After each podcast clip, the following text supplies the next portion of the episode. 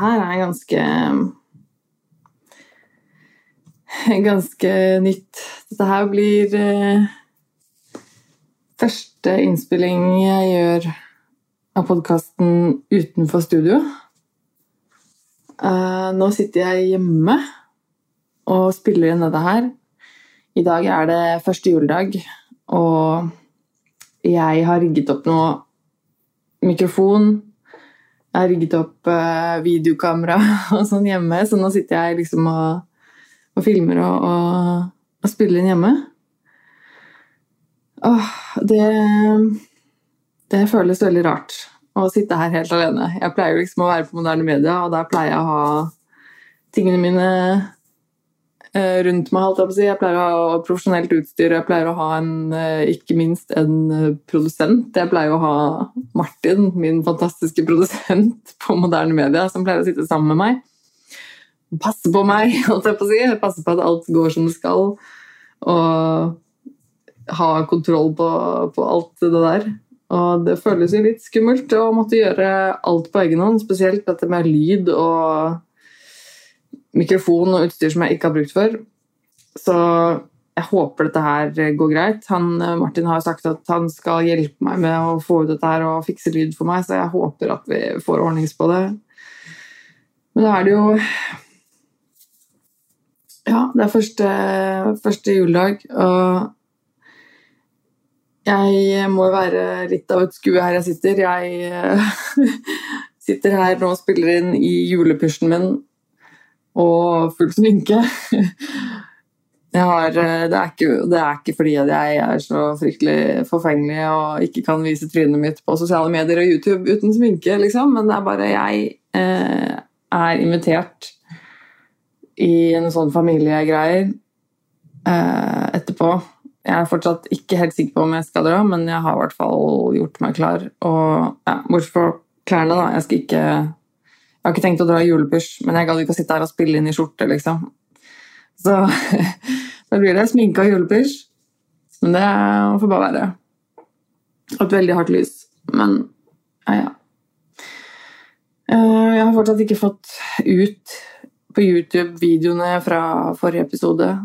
Eh, og det irriterer meg veldig.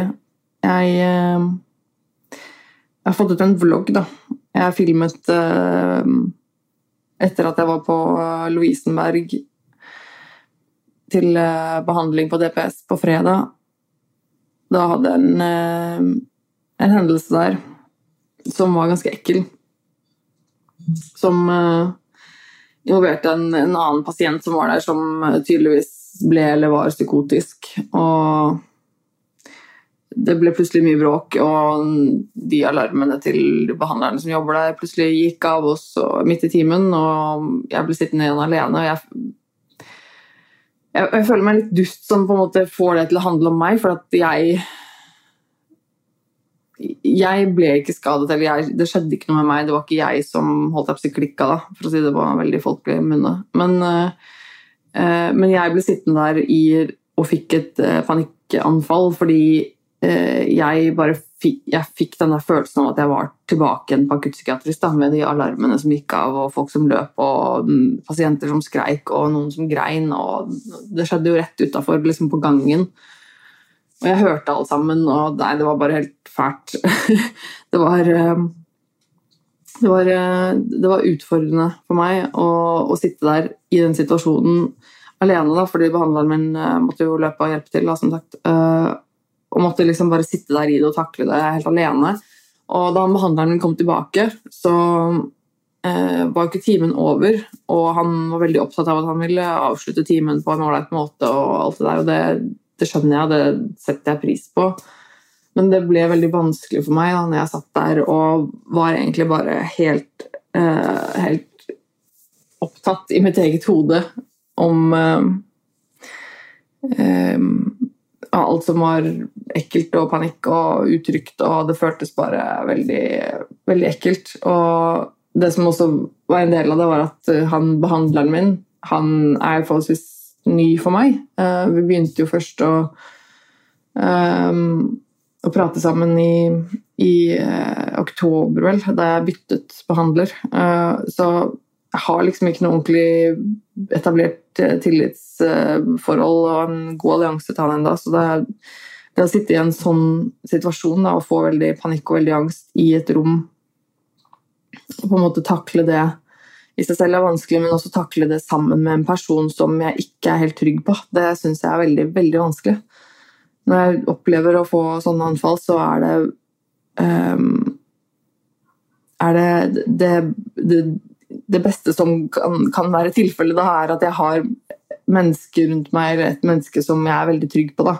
Altså typ en, kjæreste eller liksom et, et, et, et menneske som kan, kan, hjelpe meg eller få meg til å føle meg litt tryggere. Og i en situasjon hvor jeg ikke er det, så blir det bare et ekstra lag med vanskelighet for meg. For da blir det ikke bare det at jeg skal takle meg selv, men da skal jeg også takle det at jeg føler så sterkt at jeg må oppføre meg ordentlig foran, foran dette mennesket som er her. At jeg må ta meg sammen, og at jeg må fungere, og at det er så idiotisk det som skjer med meg, og jeg skammer meg veldig. Så det blir bare ekstra vanskelig. Og det Um, det, det, kjente jeg veldig på der og da, og han var veldig opptatt av at vi må jo avslutte timen på en ordentlig måte. og, og alt Det der, og det, um, det, det, skjønner jeg, men det ble litt vanskelig. Jeg ville bare ut derfra. Jeg ville bare gå. da. Jeg ville bare vite at jeg ikke var innelåst. på en måte. Jeg ville kjenne på kroppen at jeg kunne gå ut derfra. At jeg kunne gå ut i, i frisk luft og, og, komme meg ut og bare ikke være der lenger. Um, så da jeg kom ut derfra, så måtte jeg bare få det ut, det som hadde skjedd. Det, jeg måtte få ut tankene mine og følelsene. på en måte, og Da bestemte jeg for at jeg, kanskje jeg skal prøve å, å lage en blogg, da, en, en videoblogg, og, og, faktisk filme det. Og det gjorde jeg, jeg la det ut på YouTube. Eh, det ligger på YouTube-kanalen min, Nerve. Eh, så sjekk den ut hvis du er interessert i det. Um, men eh, videoopptaket fra forrige podkastepisode det jeg har hatt så mye tull med videoredigeringen i det siste, og det har, vært, det har bare gjort meg så frustrert. Og jeg har måttet gjort flere liksom, jobb flere ganger. Eh, både med liksom baksnakk-videoen og med selve podkast-videoen har jeg liksom måttet gjøre flere ganger, og jeg er bare kjempefrustrerende. Jeg skal få det ut, jeg er fast bestemt på det. Men eh, ja, vi får se, da. Nå spiller jeg inn det her, eh, så vi får se hvilken som kommer ut først. Men Får, jeg, skal, jeg, skal, prøve. Jeg skal virkelig prøve, og jeg har veldig lyst til å få det til. Så, og det er, det er, fortsatt litt tid igjen av jula, så jeg vel Jeg skal vel vie litt tid til det. Åh, jeg må bare huske å drikke kaffe når jeg sitter her. Så dere får bare unnskylde slurpelyder og sånn, altså, men jeg må drikke litt kaffe. Og nå faktisk Nå sitter jeg hjemme og har Jeg er jo litt kaffenerd, så og hjemme drikker jeg bare veldig nølete kaffe eh, som jeg har kjøpt på liksom, Kaffebrunner eller Stockflets eller en av de. Og jeg drikker eh, kaffe som er brygget på Aeropress. Det er det eneste jeg drikker hjemme, og er, jeg syns Aeropress er fantastisk. Det er enten V60 eller Aeropress, og åh, det er beste, noe av det beste som fins. Det er ordentlig brygget kaffe, og jeg drikker den selvfølgelig i en kjempepretensiøs uh, dyr kaffekopp uh, fra Kuhn keramikk, uh, som er tysk ølmerke som er håndlaget, håndlaget kopp. Um, og det er ekte gull i glasuren. Og da, ja, ja, jeg er veldig opptatt av det. Jeg er veldig glad i gull. så ordentlig potensiøs kaffekopp, men den, det er liksom faste koppen. Og gir meg litt ro at jeg kan sitte hjemme, drikke kaffen min i kaffekoppen min. Det, det, det er deilig. Så du får ha meg unnskyldt. Åh, veldig god kaffe. Kafferunderets julekaffe, Lammersted. Bare sånn, by the way. Jeg liker den også. Men det er første juledag. Det var jo julaften i går. Um, dere som har hørt på forrige episode, jeg snakket jo litt om det. Om julefeiring og om um, hvordan jeg skulle feire jul. Jeg var hjemme hos min familie i Asker i går og feiret julaften sammen med min nærmeste familie og min eksmann, eh, eller min mann, som er min ekskjæreste, eller hva man skal kalle det. Eh, det var veldig hyggelig at han var med. Jeg er veldig veldig glad for at han var med. han ga en, absolutt en trygghet. Og det var veldig hyggelig å reise ut og, ut og inn sammen med han. da. Uh, familien min er veldig glad i han, så det var veldig hyggelig at han var med. Og han fikk jo Jeg tror han fikk flere gaver enn meg, så det, sier også litt. veldig, veldig hyggelig. Um, men fy faen, det var stress. Det var um, Det var faktisk mer stress enn det jeg hadde trodd det kom til å bli. Um, og jeg trodde det kom til å bli veldig stress. Litt fordi uh, det er litt sånn bytte på annethvert år med disse familiefolka mine og i forhold til hvem som feirer hvor og sånn. Og i år så var det da full klaff med alle barn og liksom sånn. Så alle mine nieser, nevøer, si, og alle kidsa var der og sånn. Det var jeg jo forberedt på. Og jeg syns jo i utgangspunktet det er slitsomt med, med folk, med mye folk. Jeg syns det er litt vanskelig med familie. Det kan være slitsomt. Og så er det små barn i tillegg. Og generelt er jeg ikke veldig glad i barn. Jeg er glad i de barna som jeg er glad i, men generelt veldig lite glad i barn. Um, Kall meg usympatisk hit menneske, det er greit. Det er bare sånn jeg er. Jeg er ikke så veldig glad i barn, jeg. Um, uh, jeg er selvfølgelig glad i niesene mine og nevøen min, For all del, herregud, selvfølgelig er jeg det. Men det er jo folk, det er mennesker, og det er familie. Uh, og da blir det jo litt komplisert for min del med en gang. Uh, pluss at de er ganske små, noen av disse menneskene. Så det er mye støy, da. Det er veldig, veldig mye støy. Uh, og det er det jo ofte med barn. jeg sier på ingen måte at det er noe holdt jeg på å si noe galt med disse barna. Barn skal være barn, og barn støyer. og det er, det er skjønne barn, og de er flotte og de er friske og nydelige. Men for meg så blir det jo veldig, veldig slitsomt. Um, ikke bare er det mennesker og barn som jeg ikke kjenner så godt fordi jeg treffer dem sjelden, men også er det liksom det at det er mye støy. Da. Det blir mye, mye kaos og støy og mye rundt omkring og roting opp og ned og bråk. Eh, veldig høyt støyvolum. Eh, og det er, det er slitsomt. Um, så det var det. Og så er det jo Eh, det med at jeg har et litt komplisert forhold til eh, folk i familien min. Jeg er ikke veldig close med dem. Eh, mye pga. hvordan jeg har hatt det i oppveksten min hjemme, så ønsker jeg å ha litt avstand. Så jeg treffer dem ikke så ofte. Det, så, jo, så, da blir det fort litt slitsomt og komplisert å drive og henge sammen i jula. Pluss at det er dette med mine issues med mat. Og jula er for mange veldig assosiert med mat og liksom det å lage middag, og alle har sine ønsker og tradisjoner rundt mat og hva man spiser og sånne ting. Og jeg eh, sliter jo veldig med mat. Så det, det er jo i utgangspunktet også en, en vanskelig situasjon for meg. Men jeg vil jo si at uh, jeg taklet det med maten ganske greit. Jeg fikk i meg litt grann mat, um, men det var ikke uproblematisk. Um, og så er jeg alt, alt det her syns jeg blir vanskeligst når jeg skal snakke om hvordan jeg, jeg, er sammen med andre. Altså i forhold til andre mennesker. Fordi jeg har ikke noe stress med å sitte og fortelle fortelle deg som hører på, veldig liksom, egentlig mye og hva jeg tenker og, og sånn, men jeg vil jo ikke legge ut for mye om hva andre mennesker sier og gjør når det er snakk om familie og sånne ting. Så det er derfor jeg er litt, litt restriktiv med hva jeg forteller, fordi jeg ønsker ikke å drive og henge ut noen eller si noe stygt om noen, for det fins alltid to sider av samme sak.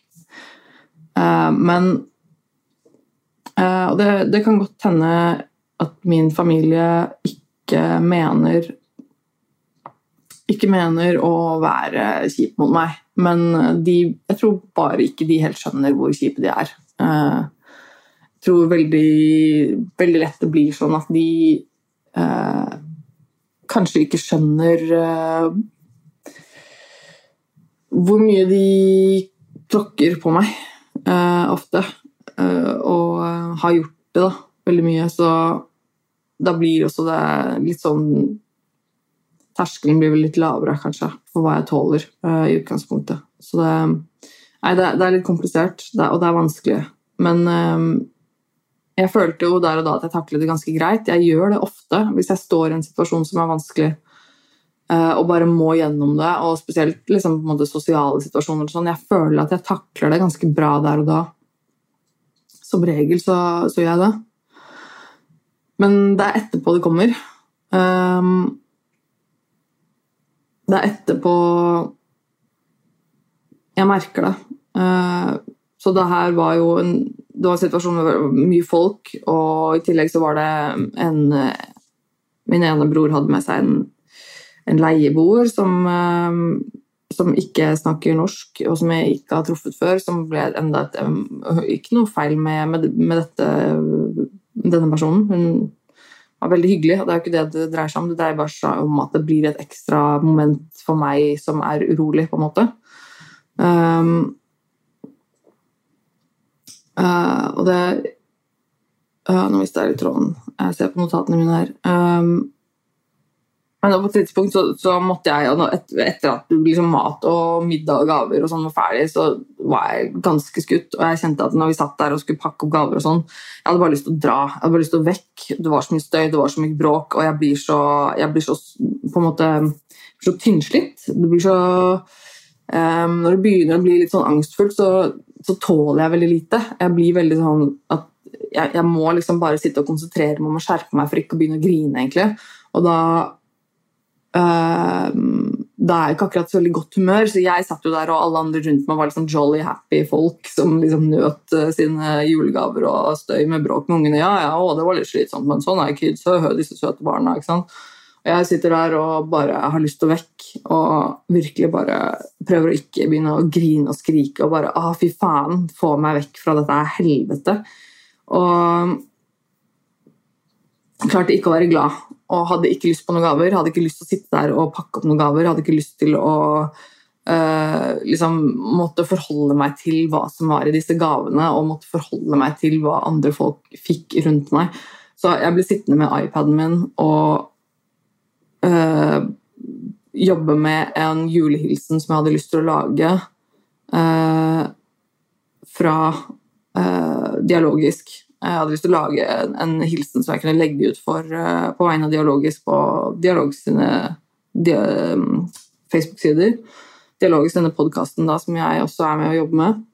Um, det var viktig for meg å få til. Det er noe jeg hadde lyst til å få til. Noe som jeg hadde brukt for mye tid på å ikke få til.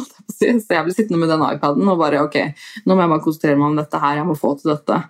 Uh, og bare liksom typ, la meg være i fred. Og det har funket en liten stund. Um, så ja, det, funker jo en liten stund. Men, og jeg må ha vært den kjipeste personen som var der. Eh, de må jo ha tenkt at jeg var helt eh, ja, kjip. Eh, og det får de for så vidt bare tenke. Men det var det jeg trengte å gjøre da, for å liksom komme meg gjennom det sitte i den kroken i sofaen og bare sånn La meg være litt i fred. Jeg orker ikke gaver, jeg orker ikke å forholde meg til dere. Um,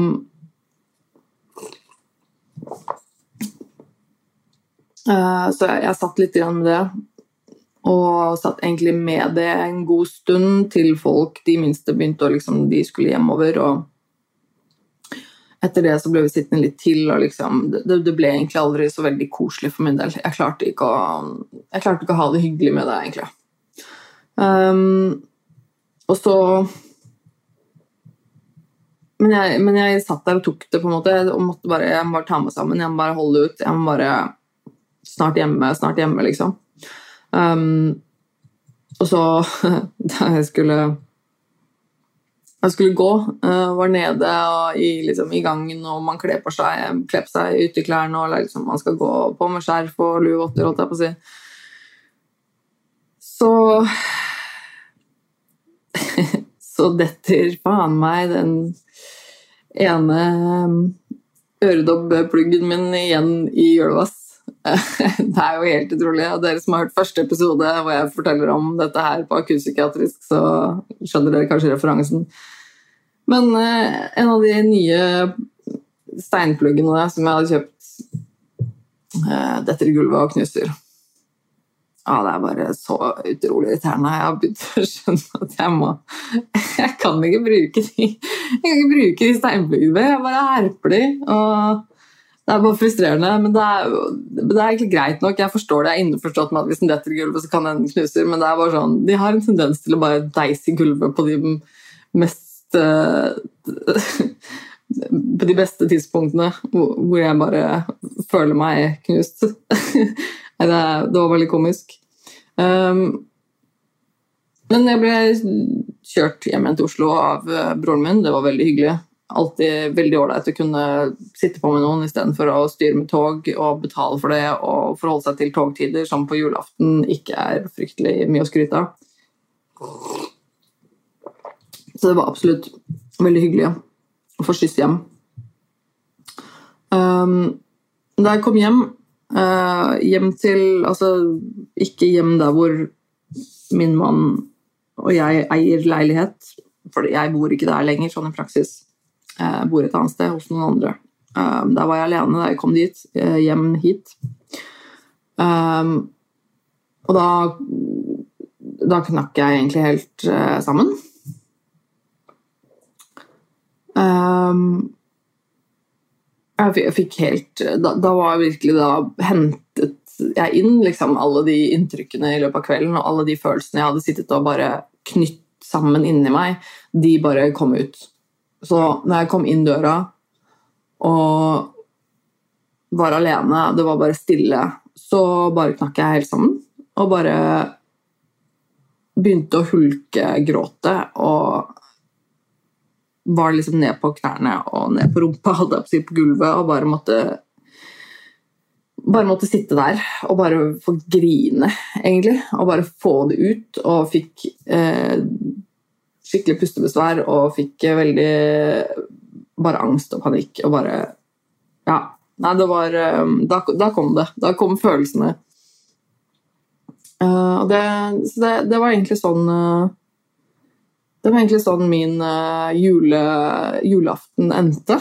Um, på gulvet i tårer. er ikke det ganske typisk?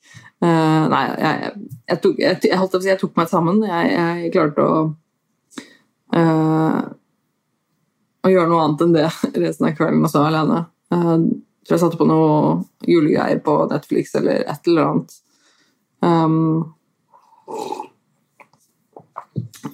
og var jo i seng forholdsvis seint, så noe har jeg jo drevet med. Uh, ja um, Men Ja, jeg skal på Jeg er invitert, i hvert fall, til sånn eh, første juledag. Ikke middag, men kaffe og kaker-greier med noen sånn tanter og onkler-familie i dag, første juledag. Det er jeg, jeg er invitert med på det hvert år. Jeg pleier ikke å dra. Jeg tror jeg har vært med på det ja, en, kanskje, kanskje, to ganger i løpet av de ti siste årene. Um, og det jeg, er ikke, jeg, er jo ikke veldig keen på å være med. Jeg, jeg syns det er fryktelig kleint, fryktelig vanskelig og liksom nei, Veldig slitsomt. Um, og det her er jo familie som jeg treffer enda sjeldnere enn min nærmeste familie. Så det er jo bare enda mer absurd at jeg skal bli med, på en måte. Jeg har et ønske om at jeg skal klare å bli med. Bare for å være et menneske som fungerer, men jeg er usikker. Jeg vet ikke. Jeg har ikke bestemt meg ennå. Jeg vet at hvis jeg velger å bli med, så får jeg skyss, og det er veldig bra. Det er et, en mindre bekymring. Um, men jeg har, jeg har, noen timer på meg nå for å bestemme meg. Jeg har liksom, jeg har, som nevnt har jeg tatt på meg sminke, så ansiktet mitt er klart. Ansiktet er på. Uh, det er eventuelt å bare skifte klær, og så kan jeg liksom dra Um, jeg, ja, som sagt, jeg har ikke bestemt meg ennå. Jeg må egentlig rett og slett bare se det an så lenge som mulig for å se om jeg klarer å takle det i dag. Når gårsdagen var eh, forholdsvis vanskelig. Så jeg er usikker på hvor mye jeg orker å, å prøve på i dag. Og så er det jo det at jeg nå har begynt å lage denne podkasten her. Jeg har begynt å prate litt åpent om uh, hvordan jeg har hatt det. Uh, hvordan jeg har det, og hva jeg driver med, liksom. Og det er jo noe som mange, mange får med seg. Og jeg er så lite keen på å dra dit og få den der at folk syns synd på meg. Uh, det takler jeg litt dårlig. Det syns jeg bare er så utrolig ubehagelig, og det passer meg dårlig. At uh, folk skal sitte og akke off og stakkars så fælt og ha hatt det. Og, vet du, det, det orker jeg ikke. Uh, man kan liksom være empatisk og, og, prate og føle med noen og, og, sånn, men man trenger likevel ikke å være litt sånn nedlatende og synes synd på noen. Og jeg er litt redd for at det blir litt mer dit, det, på en måte. Og det, det orker jeg ikke. Um, og neste år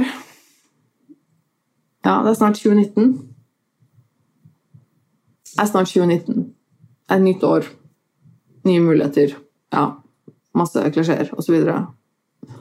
Um, men det er jo på mange måter en ny start. Alt dette her som skjer for meg nå, alt det som blir snudd på hodet, alt det som er annerledes. Alt det som blir annerledes framover, det blir jo også en ny start. Jeg må jo på en måte fortelle meg selv det at det er jo ikke bare det er ikke bare det at ting blir borte og ting blir annerledes Det er jo ikke nødvendigvis bare en dårlig ting, det er jo også en ny start. Det er jo litt hva man gjør det til. Alle de greiene der. Jeg prøver jo å fortelle meg selv det. Og det er veldig mange ting som skjer nå i livet mitt som er veldig spennende og veldig positivt og bra. Og det handler bare om hvordan jeg takler det. Uh, hvordan jeg takler de positive tingene som skjer, og hvordan jeg tar tak i det, og om jeg klarer å fortsette med det. Og det, det ønsker jeg virkelig. Jeg ønsker å, å klare det. Um, jeg vet at jeg kommer til å måtte bytte behandler igjen på DPS distriktspsykiatrisk senter. Jeg fikk vite det på, i den siste fantastiske avslutningstimen som jeg refererte til tidligere. Der fikk jeg også vite det, at min behandler, eh, han nye behandleren, han skal også slutte snart.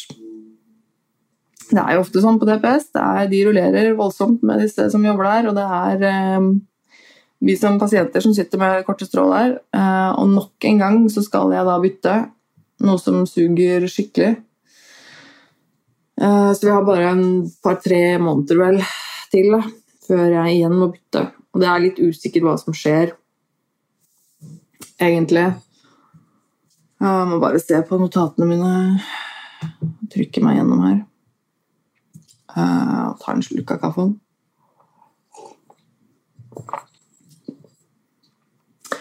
Um, jeg vet at han som jeg går i behandling hos nå, han skal videre til en annen avdeling, så han slutter.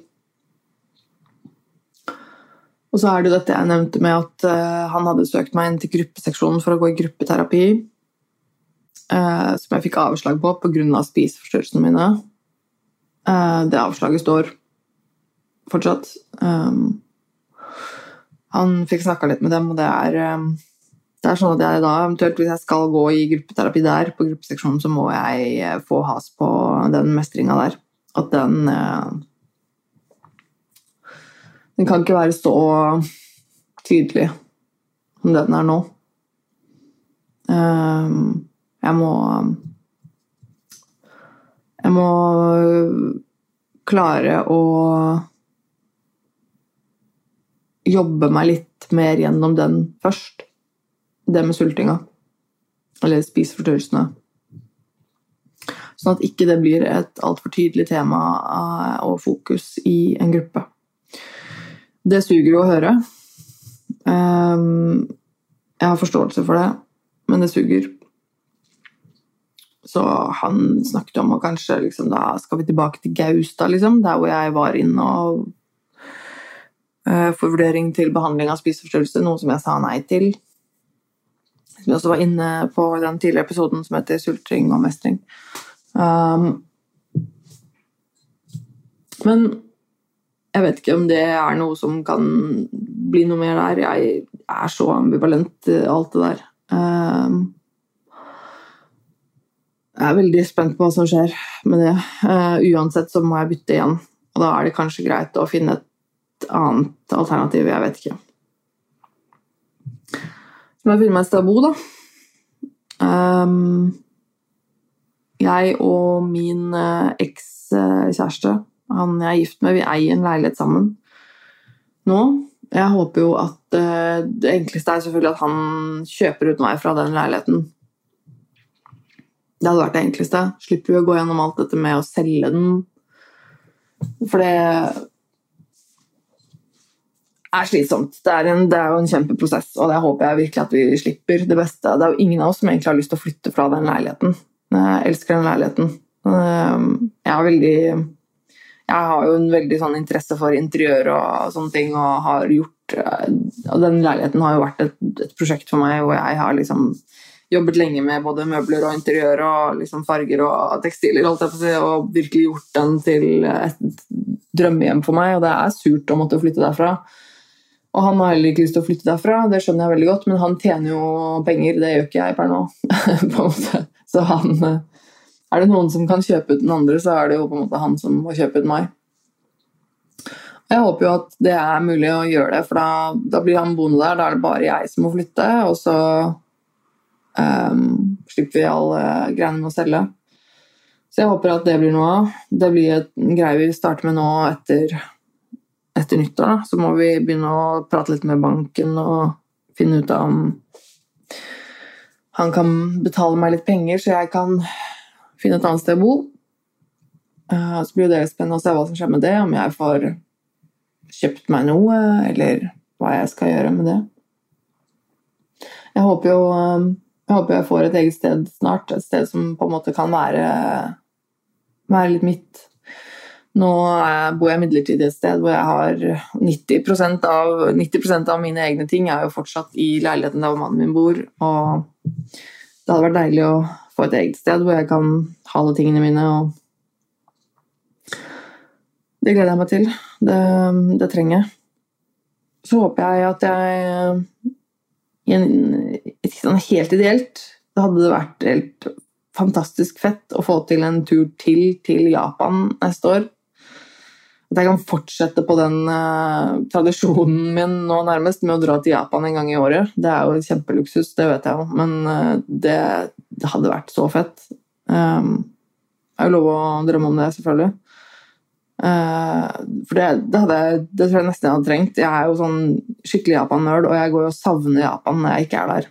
det er alltid fantastisk å dra dit. Og det er alltid jævlig å komme hjem, for alltid når jeg kommer hjem derfra, så er jeg helt knust og bare savner det og vil tilbake og syns det er dritt å komme hjem. Eh, og jeg hadde, kunne jo tenkt meg å bare være der, og egentlig nesten bo der. Det eh, er Jeg er kjempe, kjempenerd på det der. Jeg syns Japan er fantastisk. Um, så det hadde vært deilig å komme seg litt bort dit. Uh, så jeg har en en liten drøm om å få til det. Så håper jeg jo at jeg klarer å fortsette med dette, med Nerve, podkasten min. Jeg håper jeg eh, fortsetter og klarer å lage videoer som dette, legger ut på YouTube, eh, videoblogger. At jeg kan fortsette å jobbe sammen med Dialogisk, podkasten til eh, Gunnar Tjomli og Dag Sørås. Det gir meg mye. Jeg syns det er fantastisk kult å være med på. Jeg håper virkelig jeg kan fortsette med det. Um, så det håper jeg jo. Jeg håper um, Jeg håper neste år blir bedre. det, jeg, jeg, føler jo at det kanskje ikke skal så mye til for, for at neste år skal bli bedre enn 2019 skal bli bedre enn 2018. Um, så det er jo et bra utgangspunkt, tenker jeg. Um, så får vi se da, hvordan jeg feirer nyttårsaften. Jeg har egentlig ingen um, har egentlig ingen spesielle nyttårstradisjoner. Um, nyttårsaften føler jeg at er sånn, folk er litt sånn overalt. Og nyttårsaften dreier seg veldig ofte om å drikke, og det er noe jeg ikke driver med. Noe jeg ikke egentlig ønsker å drive med heller. Jeg avstår fra alkohol og syns denne drikkekulturen vi har i Norge er ganske motbydelig. Så de siste årene har det vel vært litt sånn uh, sporadisk uh, hva man blir invitert til og sånn, egentlig. At man må liksom bare finne på litt Eh, det som dukker opp. Eh, se hvem som på en måte hvem, si, hvem, hvem som er ledig av vennene. Men i år blir det jo litt annerledes. Jeg tror ikke det blir, så, blir å gjøre så veldig mye. Det eneste jeg har hatt som en sånn greie på nyttårsaften, er at jeg ja, Jeg vet dette høres det er skikkelig, sikkert skikkelig barnslig, men jeg elsker fyrverkeri. Jeg er skikkelig fyrverkerinerd. Jeg, jeg, jeg elsker fyrverkeri. Uh, det syns jeg er dritkult. Det var til og med periode da jeg var yngre hvor jeg tenkte sånn Shit, jeg skal bli pyrotekniker fordi fyrverkeri er fett. liksom, Det er dritkult. Og jeg er sånn nerd som kan sitte på, sitte på YouTube og, og, se på sånne videoer med uh, verdensrekord i største fyrverkeri og sånn. Kan jeg sitte og se på på TV. Og da sitter jeg typ sånn på gulvet rett foran TV-en og stirrer på den gigantiske 78-tommer-TV-en, liksom. Og, bare koser meg og er kjempefascinert. For jeg bare syns fyrverkeri er dritkult. Det er jo ikke sånn at Fyrverkeriene her i Oslo kan sammenlignes med de verdensrekordene på YouTube, akkurat, men de er ganske kule, noen av de. Og, så det har på en måte vært min greie at jeg veldig gjerne vil se fyrverkeri.